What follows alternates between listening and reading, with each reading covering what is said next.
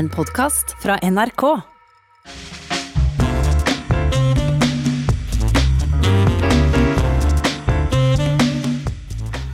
Ja, vi skriver altså 9. april i dag. Det utrolige døgnet som denne helt spesielle merkedagen i norsk historie er kalla. Nå er eh, okkupasjonen av eh, Norge kommet på dryg avstand. De fleste tidsvitner er ikke lenger blant oss, men fremdeles engasjerer debatten med verdenskrigen som tema. Og eh, Forfatter eh, Inga Sletten Kolloen, du eh, arbeider med et stort bokverk med tittelen 'Under krigen', om nettopp Norge under okkupasjonen. Det første bindet med tittelen 'Vi må ikke falle'. Så velkommen til deg. Takk for det. Takk for det. Da vi vokste opp, eh, Kolloen, så var aldri mer 9. april et like potent som mye brukt eh, slagord. Eh, nå ville kanskje dagens unge sett rart på den lærer som sa noe slikt? Ja, eh, men samtidig så er det nok eh, 9. april sammen med 17. mai er nok eh, de to datoene som Eh, folk flest fortsatt forbinder noe med. 8. mai, fredsdagen, tror jeg er i ferd med å gli ut. Eh, men slik er det jo med alt. Eh, jeg tror fortsatt at f.eks. du kan gå og prate om 22. juli eller 11. september med folk i dag, og det vil være folk som lurer på hva jeg mener med det. Er det kanskje denne uunngåelige tidas gang som, som, som, gjør at eh, også annen verdenskrig blir en mer teoretisk størrelse for, for generasjoner som ikke vokser opp i skuggen av den? Ja, tida den, den, virker jo på alt og alle, det er det jo ingen tvil om. Men eh, det som er veldig spesielt med, med andre verdenskrig, eh, og det gjelder ikke bare i Norge, men særlig i alle de landene som var okkupert, pluss Tyskland, da, og, og, Japan og Kina osv. Så, videre, så, så så er det på Det virker som den er fortsatt preger nasjonens uh, liv på en helt spesiell uh, måte.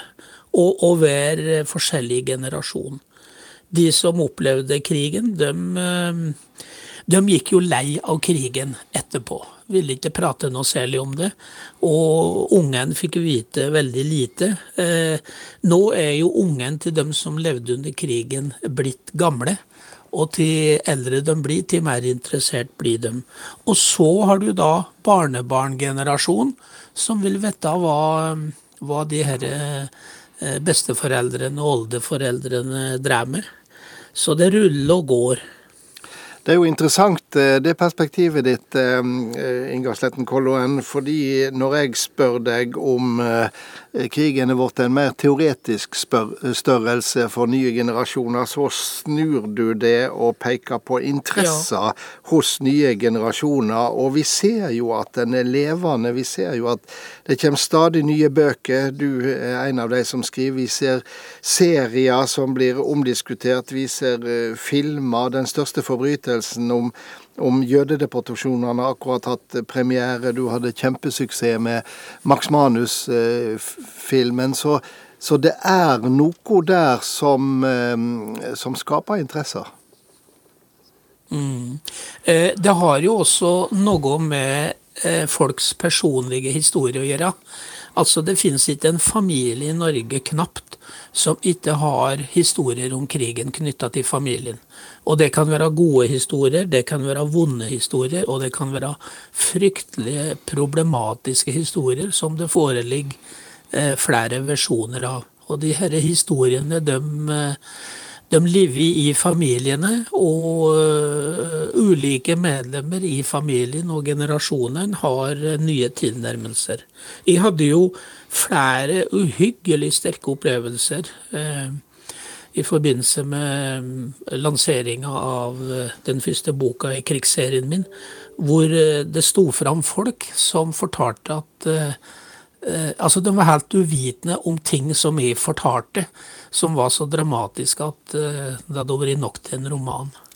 Kan du nevne, dø kan du nevne døme på det, når du bruker så sterke ord som uhyggelig sterke blant opplevelser? annet, blant annet i Trondheim, så den første den første som ble henretta i Norge av dømt i tysk rett, og henretta, han, eh, det var en kar fra Trondheim, eh, rundt 30 år. Og der eh, ville bare familien eh, glemme alt som har skjedd. Det var i 1940.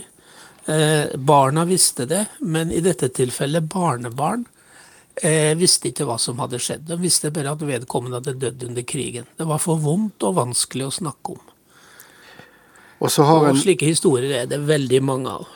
Og så har en jo det også at eh, arkivene er mer åpne for de som vil gå inn og, og, og granske f.eks. sin egen familiehistorie. Ja, og, og eh, nå er snart ethvert arkiv og ethvert dokument bare et eh, tastetrykk unna.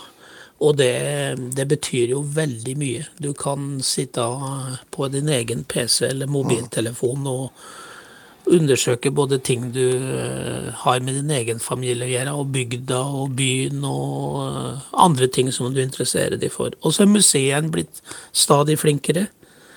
Eh, en av de sterkeste opplevelsene jeg hadde under min turné for to år siden, det var på Krigsmuseet i Kristiansand.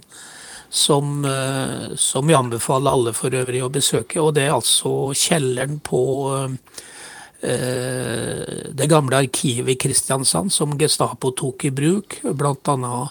Eh, for å forhøre og torturere fanger.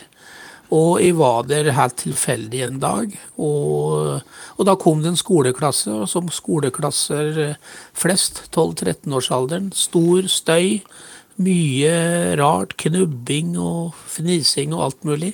Det tok ikke fire-fem fire, minutter, så var det en meget alvorlig og ettertenksom gruppe ungdom som virkelig så inn i krigens verste gru.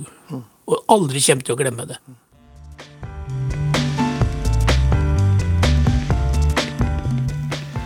Du er fremdeles med forfatter Ingar Sletten Kolloen, og eh, det er med utgangspunkt i dagens dato 9. april at vi snakker om eh, hvordan okkupasjonen vært blir sett på i dag, og hvordan tida etterpå har vært. Og hvis vi skal ta det siste eh, først, eh, hvordan vil du si at bildet av Norge og verdenskrigen har endra seg gjennom eh, de 80 åra som er gått siden okkupasjonen? Ja, det kan vi jo lese først og fremst på to måter. Ved å gå inn i debattene i avisene eh, gjennom alle disse her åra som har gått i bølger. Og så kan vi jo lese det gjennom eh, de ulike typer bøkene og historieverkene som er kommet. Og eh, den første generasjonen med historikere etter krigen, type Hans Fredrik Dahl, Tore Pryser og andre, som, som virkelig begynte å sette et systematisk, kritisk søkelys på seierherrenes eh, historie og tapernes historie. Eh, de ble jo møtt med utrolig eh, ja, sterke, sterke våpen, altså. Det var hets og latterliggjøring og eh, de kunne ingenting fordi de ikke hadde opplevd krigen osv. Men nå er det jo andre- og tredje generasjons krigshistorikere og forfattere og filmskapere som jobber med krigen, og stadig nye nyanser kommer jo eh, sjølsagt eh, fram. Men eh, om nyansene er mindre svart-hvitt, eh, færre rene helter og nattsvarte skurker, heller likevel grunnfortellinga seg?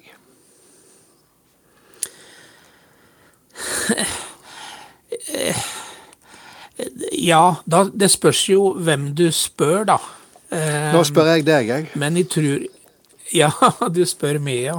Eh, nei, jeg mener jo at den endra seg veldig, fordi eh, med alle de her fargene som er kommet til, altså Eh, det var jo så vanskelig å leve under krigen. Alt ble jo satt i spill. Eh, man ble satt på all verdens prøver og prøvelser. Og eh, det var jo ikke slik at man bare seira eller bare feila. De fleste menneskene gjorde jo bra ting og, og mindre ting i ulike, ulike skalaer. Og det er, jo, det er, jo, den kunnskapen om at uh, de, var, de, var, akkurat som oss uh, er i dag. Uh, en blanding av veldig mange ting når vi begynner å undersøke. Og det var også både de som, de som sto fram som helter, og, og, alle de som, som, gjorde da feil og, og ble NS-folk, og enda verre. Og samtidig så var det vel eh, fremdeles sånn at, eller er det vel fremdeles sånn at den andre verdenskrigen skiller seg fra de fleste andre kriger ved at det ikke bare var et militært oppgjør, eh, men også et ideologisk oppgjør. Altså nazismen måtte knuses som ideologi og maktfaktor for at demokratiet skulle overleve som system i alle høve i Vest-Europa.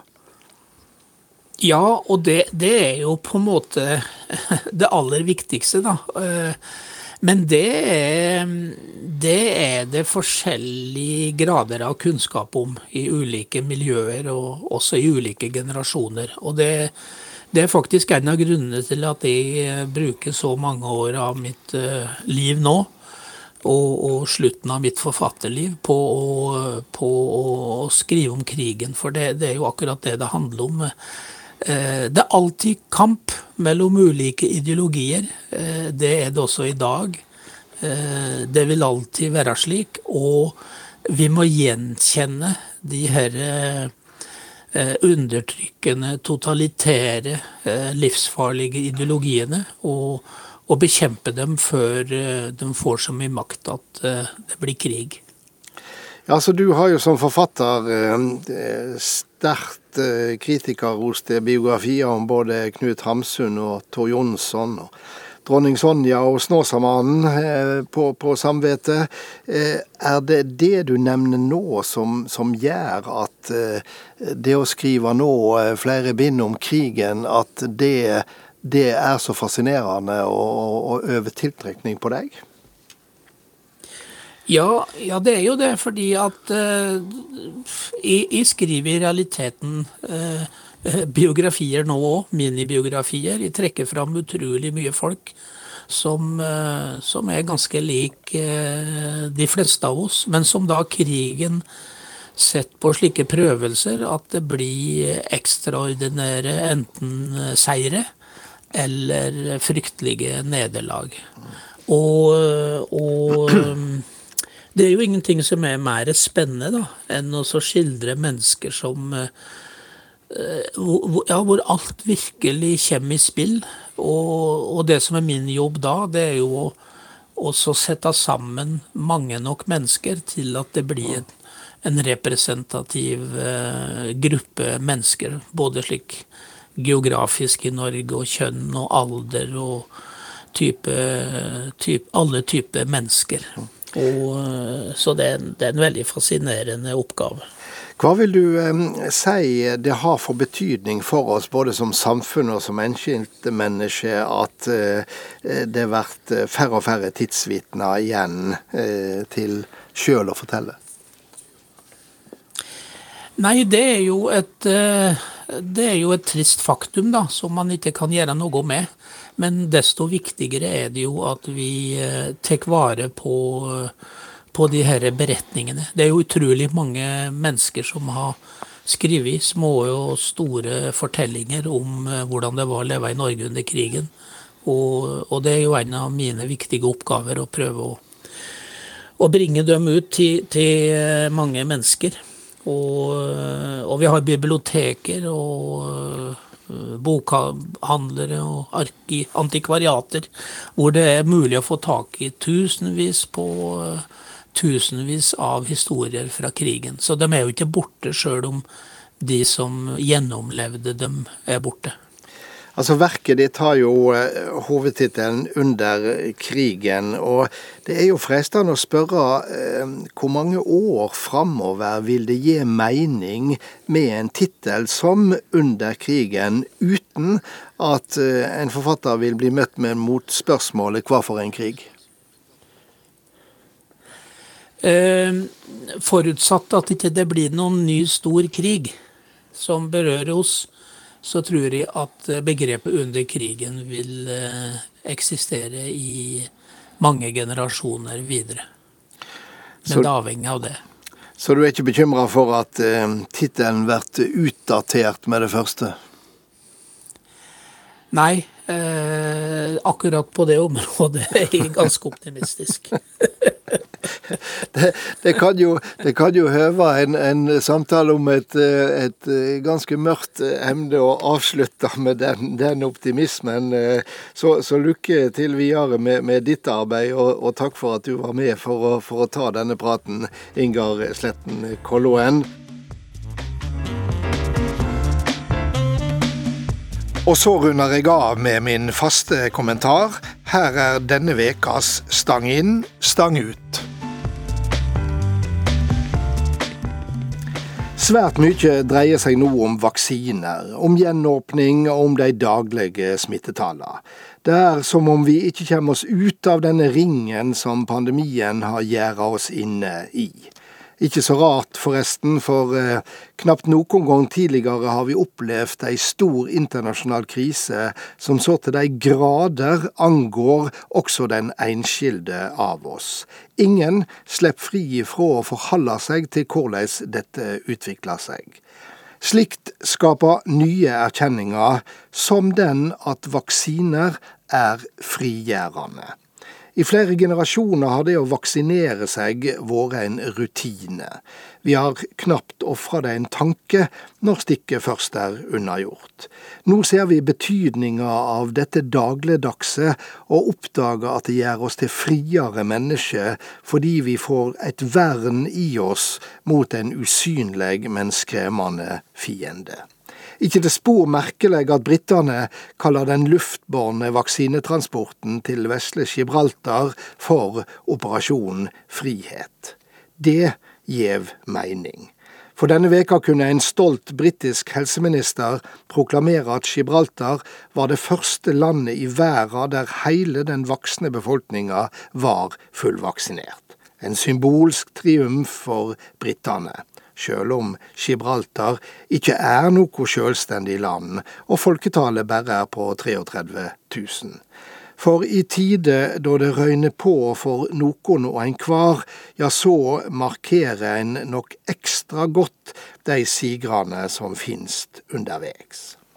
Når koronapandemien en gang er over, vil det verte så mange slags granskninger og oppgjør. Ja, alt om noen dager leverer den første regjeringsoppnevnte koronakommisjonen sin rapport til statsminister Erna Solberg. Slikt er ikke bare naudsynt, det er som det skal være.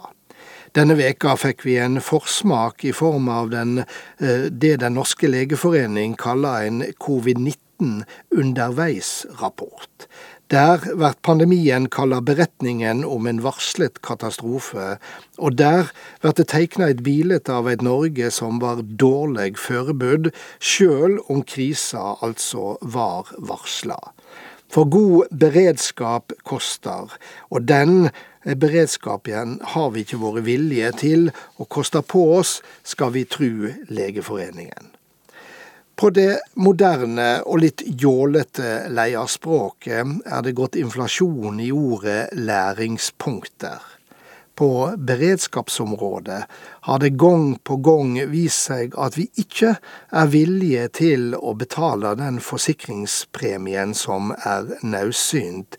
Vi har ikke tatt konsekvensen av læringspunktene. Like ofte har vi sett hva det har kosta oss når det skjer ei katastrofe, enten den er menneskeskapt eller det er naturkrefter som gjør oss til statister i våre egne liv. I mange år har en pandemi stått på den øverste delen av lista over sannsynlige katastrofer. Knapt noen har tatt den fulle konsekvensen av dette før den var et faktum. Nå ryster pandemien ei heil vær. Og vi kan bare spekulere på om vi denne gangen er i stand til å take lærdom av det vi opplever. Jeg er slett ikke så sikker på det. God helg.